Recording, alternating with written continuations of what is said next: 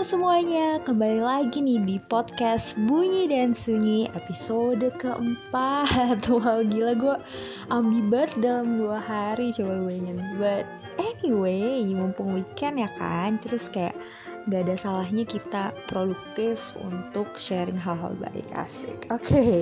so kali ini kita bakal bahas nih tentang 5 efek psikologis yang kita alami Namun suka kita nggak sadarin gitu.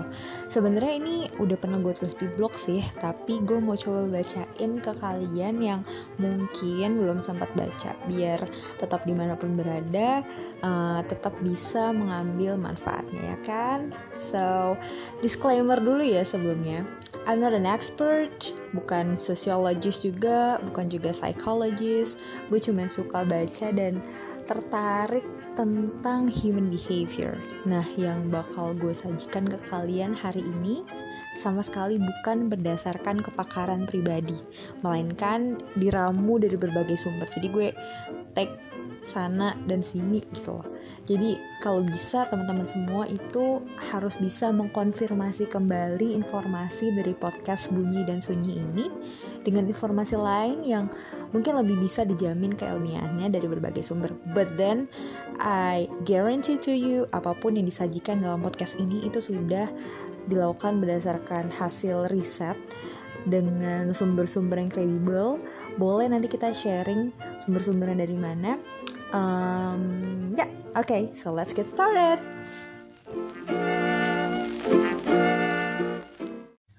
Okay, jadi um, fenomena sosial, ekonomi, dan politik manusia itu merupakan fenomena yang kompleks mereka saling berkaitan dan gak bisa kalau kita mau jelasin itu hanya menggunakan satu alat analisis dari disiplin keilmuan tertentu aja. Termasuk halnya dengan kalau kita mau mempelajari reaksi psikologis manusia itu juga ternyata um, bisa dijelaskan dengan menggunakan lebih dari satu pisau analisis disiplin keilmuan. Let's say um, ekonomi, sosial, politik, bahkan astronomi. Bayangin ada astronomi juga ternyata bisa menjelaskan how human behave. Nah, berbagai efek, oke, okay, berbagai efek psikologis tersebut secara ringkas bakal gue jabarin sebagai berikut ya. Yang pertama adalah Diderot effect atau Diderot effect. Tulisannya Diderot, bacanya Diderot.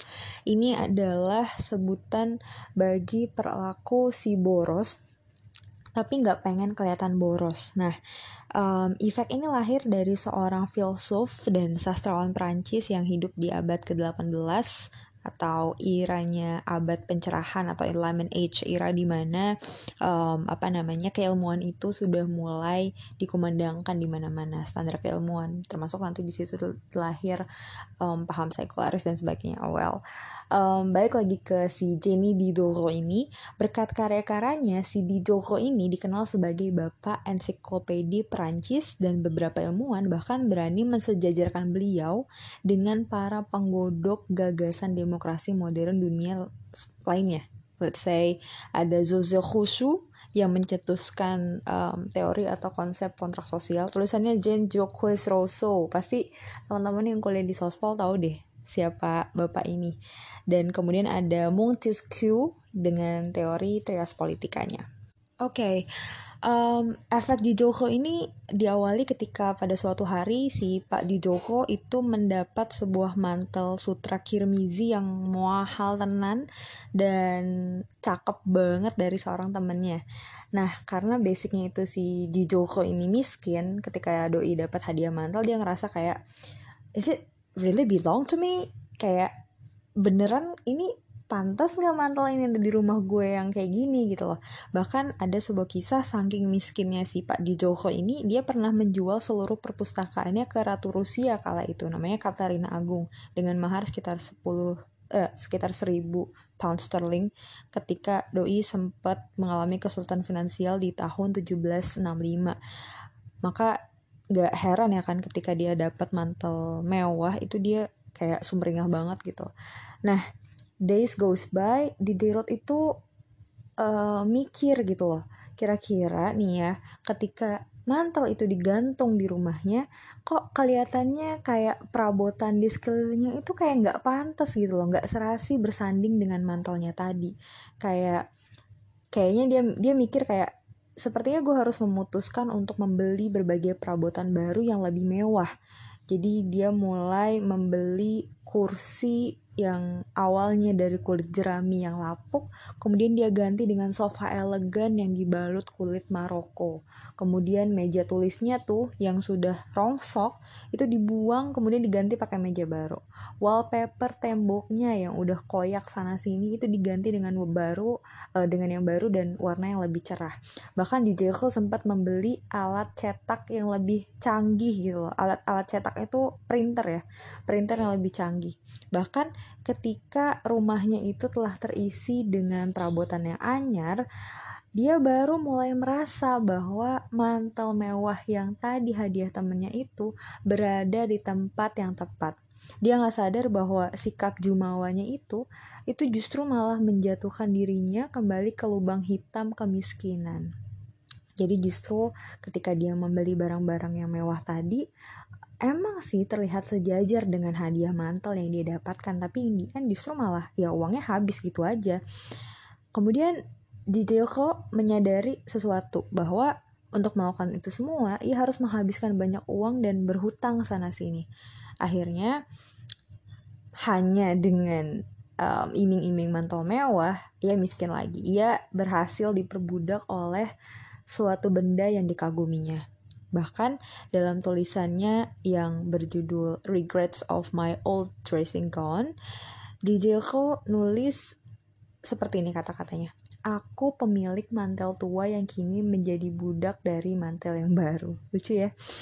Pernah gak sih kita tuh juga merasakan, merasakan efek ini gitu loh. Ketika misalnya nih, for instance zaman sekarang tuh makeup itu jadi sesuatu yang apa ya, sesuatu yang lazim lah sesuatu yang common banget di lingkungan cewek-cewek gitu loh kalau kita buka Instagram itu isinya mostly tutorial makeup gitu dan ketika misalnya seorang perempuan nih beli yang tadinya tuh ada makeupnya itu cuman kayak satu rak gitu loh. Ketika dia beli makeup yang lain yang kira-kira lebih mahal dia ngerasa wah kayaknya kotak makeup bekas kotak sepatu gue ini nggak cocok bersanding dengan lipstick gue yang harganya 200 ribu gitu loh. Akhirnya dia mulai membeli kotak makeup yang lebih besar bahan akrilik misalnya. Kemudian akhirnya dibeli eh bahan besar akrilik ini gede banget makeup gue cuma satu ini doang cuman lipstick sama foundation sama bedak Mars doang. Kayak gue harus beli bedak yang lain deh. Akhirnya doi belilah bedak lain yang lebih lebih apa ya, lebih pricey yang bisa bersanding dengan kotak makeup akriliknya tadi gitu loh. Jadi ini tuh kayak sebenarnya efek domino efek boros yang justru um, mencelakakan kita sebenarnya. Nah kalau seorang antropolog nih ada seorang antropolog namanya Grant McCracken di tahun 1988 dia sempat bilang bahwa um, apa namanya fenomena Diderot effect ini kalau di mall itu didesain. Jadi kalau jadi ada istilah namanya Diderot unitis unitis Diderot unitis. Jadi contoh gini dalam sebuah section di mall ya ada section jam dinding Nah kan, di section tersebut, swalayan itu juga mensejajarkan lilin aromaterapi dengan berbagai varian aroma dan bentuk. Kemudian juga ada kontainer-kontainer lucu, minimalis, kemesh, warnanya pastel. Kemudian juga ada hiasan dinding, ada keset, ada gantungan baju dengan warna warna pastel juga yang menggoda, gitu, shabby chic, gitu-gitu deh. Nah tujuannya nggak lain bahwa misalnya nih gue uh, jamnya rusak kemudian gue ke mall nyari section jam. Gue cuman niat beli jam doang gitu loh. Ketika gue mau ngambil jam ya udah dapet ya. Terus ngelihat ada benda-benda lain nih di section Jijeko Unitis ini. Terus gue akhirnya mikir kayak kayak lucu deh kalau jam ini dipasangin sama wallpaper lucu ini. Atau kayaknya lucu deh kalau jam ini ditaruh di sini kemudian di sampingnya gue taruh lilin aromaterapi yang ini gitu loh. Akhirnya gue bisa ngambil benda yang tadinya nggak pengen gue beli dan membawa belanjaan itu ke meja kasir. Nah, demikian cara Jijeko Effect ini bekerja atau dalam apa yang disebut oleh James Clear sebagai sebuah spiral konsumsi. Ini gue kutip dari Psychology Today ya. Kalian bisa lihat tulisannya James Clear, James Clear tentang spiral konsumsi di sana. Yang mana akibatnya adalah yaitu tadi kita jadi membeli barang-barang yang sebelumnya tidak pernah kita butuhkan agar merasa bahagia dan puas. Nah, perilaku boros seperti ini itu pada prinsipnya merupakan fenomena sosial yang menjelaskan sebagian besar pola konsumsi masyarakat modern gitu. Oke, okay. Yang kedua adalah bandwagon effect atau hobi ikut-ikutan tren. Bandwagon itu kereta kuda ya, kereta kuda. Jadi ini adalah uh, efek yang merujuk pada sekelompok band dan berkeliling di sebuah parade bayangin bay, uh, kita bisa ngebayangin ya ada kereta kuda di dalam kereta kuda itu ada marching band jadi keliling gitu loh kayak di festival atau karnaval gitu. Nah frasa melompat ke dalam kereta kuda itu pertama kali muncul dalam perpolitikan Amerika di tahun 1848 yaitu ketika seorang ada seorang badut sirkus namanya Dan Rice dia paling most well known clown kayaknya di masa itu gitu loh. Jadi pada saat itu dia menggunakan media musik dan bandwagon atau kereta kuda untuk menarik perhatian pada saat kampanye, kampanye politik ya. Nah, ketika kampanye itu terbukti sukses, lebih banyak politisi ikut berjuang quote and quote melalui kereta musik biar bisa memperoleh kesuksesan yang sama dengan kampanye yang pakai musik lainnya gitu loh.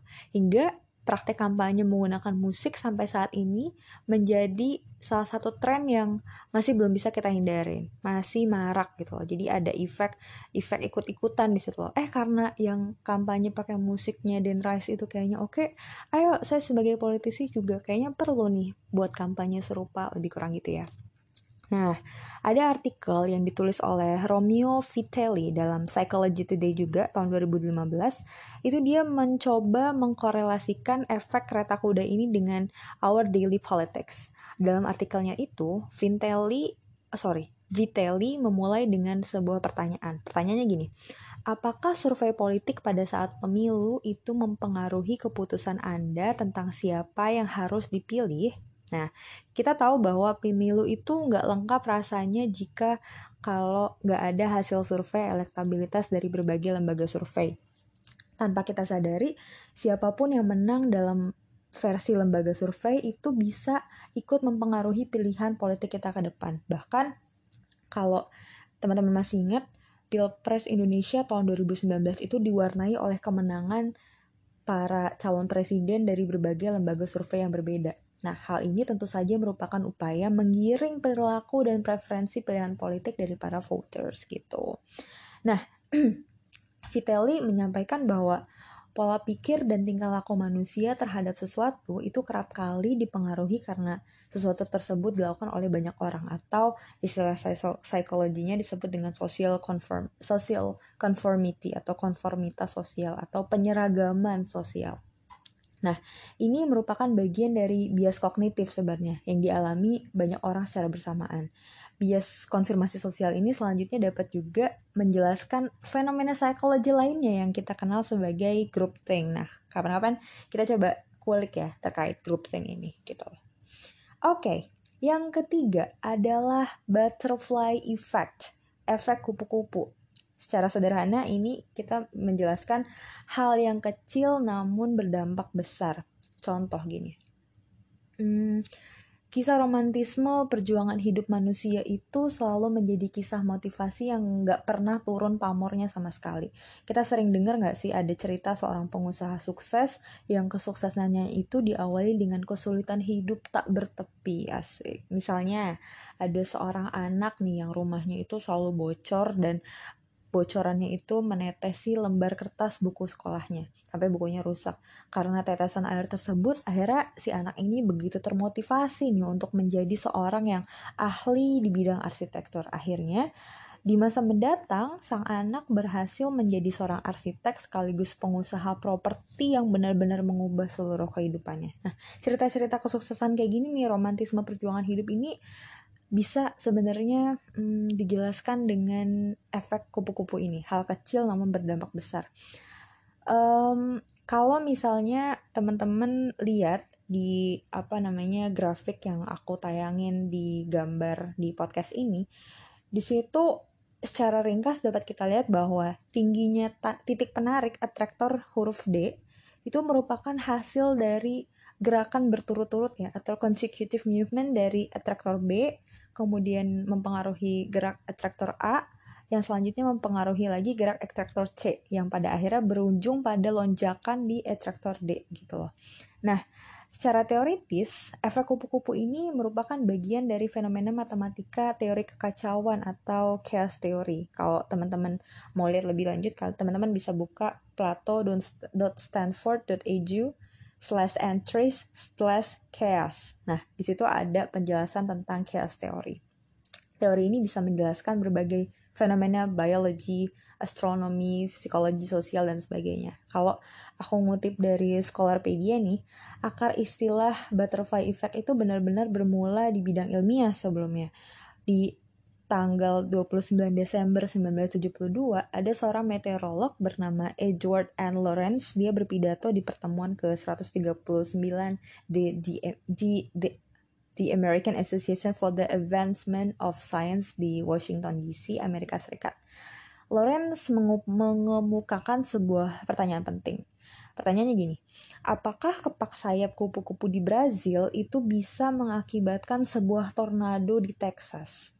Nah, pesan utama dari pembicaraan tersebut adalah bahwa perilaku atmosfer yang tidak stabil itu sehubungan dengan gangguan amplitudo kecil hanya sebatas kepakan sayap kupu-kupu. Metafora tersebut memberikan sebuah ilustrasi ideal tentang hal kecil yang bertentangan dengan hal besar namun menimbulkan dampak.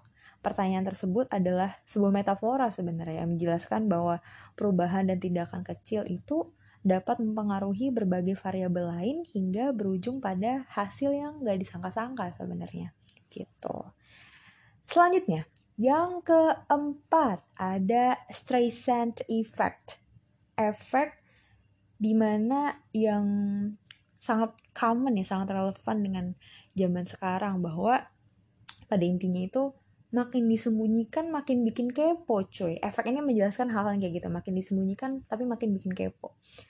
Um, apa namanya efek ini itu merupakan salah satu dampak dari meluasnya apa namanya informasi yang disembunyikan, informasi yang disensor dan sebagainya. Jadi kita secara sadar bahwa ketika ada informasi yang disembunyikan, maka manusia itu akan berusaha mengakses dan menyebarkannya. Atau cara dalam teori psikologi ini bisa dijelaskan dengan konsep psikologi terbalik. Mungkin teman-teman bisa search ya di Google terkait psikologi terbalik ini.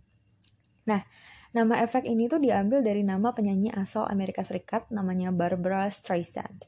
Jadi di tahun 2003 ada seorang fotografer namanya Kenneth Edelman, dia mendokumentasikan fenomena erosi pantai secara eagle view.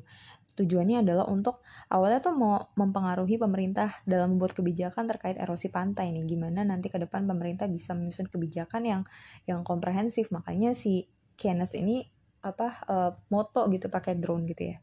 Nah, gak sengaja pas doi foto, itu foto yang dihasilkan ternyata ikut mengcapture ada rumah mewah milik si penyanyi Amerika tadi, namanya Barbara Streisand yang ada di Malibu, California, di pinggir pantai Malibu.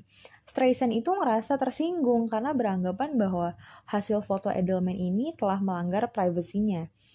Akhirnya kemudian Streisand menuntut untuk foto itu dihapuskan dari 12.000 foto garis pantai California yang, yang dimuat di pictopia.com.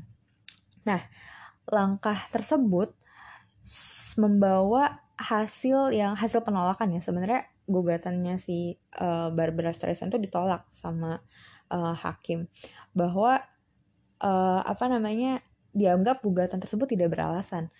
Nah, yang membuat efek ini jadi semakin pop up adalah sebelum gugatan itu dilayangkan, foto-foto rumah Barbara itu hanya diunduh sebanyak enam pengunjung. Dua di antaranya itu pengacaranya Barbara sendiri gitu loh. Nah, tapi setelah kasus ini digugat, setelah rame kasusnya, malah terdapat lebih dari 420 ribu orang mengunjungi situs yang sama untuk ngedownload rumahnya, foto rumahnya Barbara tadi gitu loh. Jadi sebenarnya kalau si Barbara Streisandnya itu diem-diem aja orang juga nggak bakal notice bahwa ada rumah di ada rumah yang ke capture ada rumah mansion rumah besar rumah mewah yang ke capture melalui si fotonya Kenneth tadi gitu loh tapi karena berberanya uh, bersuara ke media membawa lang membawa uh, persoalan tersebut ke meja hijau akhirnya jadi banyak orang notice soal keberadaan rumah mewah di pinggir pantai yang mungkin bisa menyebabkan erosi, salah satu penyebab erosi di pantai Malibu, California gitu. Oke, selanjutnya adalah yang mau gue kasih tahu ada butt brush effect. Gak jadi beli karena kesenggol orang. Ini menarik banget efeknya. Jadi awal mulanya uh, efek ini itu gue juga tahu dari sal dari sebuah thread Twitter at Firza dia seorang founder TikTok um, tweet ini jadi terkenal gitu ya selain karena kontennya juga emang oke okay, tapi awalnya uh, ada video seorang pria video TikTok ya yang viral seorang pria menirukan perilaku pramuniaga Zara yang agak-agak bosi gitu loh. Kemudian uh, video itu jadi dikait-kaitkan dengan thread twitternya si Firza ini gitu. Nah secara garis besarnya gini pernah gak sih kalian gitu loh ketika lihat-lihat baju di mall kemudian lagi mikir-mikir nih lagi menimbang-nimbang beli nggak ya gue? Atau kalau beli ini ntar celana sama jilbabnya pakai yang mana ya? Terus kayak mikir lagi nih baju ini kayaknya bisa dipakai ke mana aja ya? Warnanya bikin kulit cerah nggak ya? Dan sebagainya dan pertimbangan-pertimbangan lainnya. Kemudian tuk tuk tuk tuk kalian disamperin nih sama pegawai toko. Pegawai tokonya bilang ke kalian carinya apa kak? Biar kita cariin ukurannya. Nah, surprisingly, kondisi tersebut malah bikin kalian meletakkan kembali baju itu ke tempatnya alias nggak jadi beli gitu loh. Nah, fenomena inilah yang disebut sebagai butt brush effect. Kalau katanya si Firza tadi, uh, dia mengutip buku yang ditulis oleh Paco Underhill yang berjudul Why We Buy. Buku tersebut membahas kumpulan pengamatan fakta atas perilaku belanja seseorang melalui the science of shopping. Nah, cara singkat nih, efek butt brush adalah momen di mana konsumen itu selalu menghindar, punya kecenderungan untuk menghindar tiap kali didekati ataupun bersentuhan dengan orang lain dari belakang, butt brush ya. Nah, uh, persentuhan itu bisa aja di, bisa dilakukan oleh siapa aja, baik oleh konsumen lain yang lewat tumbur gitu nggak sengaja kesenggol belakang ataupun dari si pramuniaganya konsumen yang tersenggol itu lebih memilih untuk meninggalkan barang yang sudah mereka pegang tadi hanya untuk menghindari kontak fisik. Cara lebih spesifik mungkin teman-teman bisa lihat di YouTube ya, ada search aja butt brush effect. Di situ ada contoh fenomenanya kenapa uh, orang itu jadi cenderung menghindar kalau misalnya kesenggol dari belakang gitu ketika lagi belanja kesenggol kayak nggak jadi deh gitu. Nah, perilaku yang terjadi secara kontinu tersebut itu membentuk pola yang selanjutnya bisa dijadikan pelajaran bagi setiap perusahaan ataupun toko untuk merubah layout atau tata, tata letak tokonya. Beberapa store bahkan telah memberikan space yang cukup agar antar konsumen itu nggak saling bersenggolan sehingga mengakibatkan konsumen lain itu nggak jadi belanja. Contoh nih kalau misalnya kalian melihat sebuah toko baju, gue ini nggak bermaksud marketing ya, cuman hmm, ini merupakan salah satu contoh yang menurut gue oke okay gitu ya. Uniqlo let's say let's say. Dia itu uh, space-nya tuh longgar-longgar gitu kan. Dia bisa menjamin antar pembeli itu nggak nggak kesulitan ketika nggak nggak saling bersenggolan nggak saling uh, berdempet-dempetan gitu. Dan ketika kita belanja di Uniqlo nggak tahu kenapa gue ngerasa pramuniaga itu tuh jarang nyamperin kita gitu loh. Kayak dia bakal nyamperin kita ketika kita sudah nanya ke dia untuk uh, misalnya kita kesulitan ukuran dan sebagainya baru dia bakal notice gitu. Tapi ketika kita lagi milih-milih dia kayak let us do it freely gitu loh. Mereka kayak membebaskan kita untuk milih-milih baju gitu. Dan space-nya pun cukup luas. Mungkin uh, butt brush effect ini menjadi salah satu pertimbangan tata letak tata letak barang ya di sebuah uh, shop gitu di sebuah store. Nah um, gue juga mikir terus kayak apakah mungkin nih butt brush effect ini menjadi salah satu alasan mengapa e-commerce itu jadi makin laris manis. Banyak sih sebenarnya alasan yang mendukung kenapa e-commerce itu laris. Mulai dari ya kemudian akses, terus juga gampang milih-milih dan sebagainya. Tapi mungkin bisa jadi juga karena ketika kita belanja di e-commerce kita jadi merasa nyaman kita jadi merasa liberate gitu merdeka gitu dalam dalam belanja dan kita nggak ada potensi kesenggol sama orang-orang gitu loh ya kan maksudnya oke okay. sekian 5 efek atau reaksi psikologis manusia yang dijabarkan secara ringkas. Gue harap teman-teman semua bisa belajar bareng-bareng dan mempelajari psikologi sosial bukan semata-mata bertujuan agar bisa menakar perilaku manusia, tetapi lebih kepada upaya meningkatkan awareness biar bisa lebih berhati-hati terutama dalam membuat keputusan. Oke, okay, semoga bermanfaat. Bye.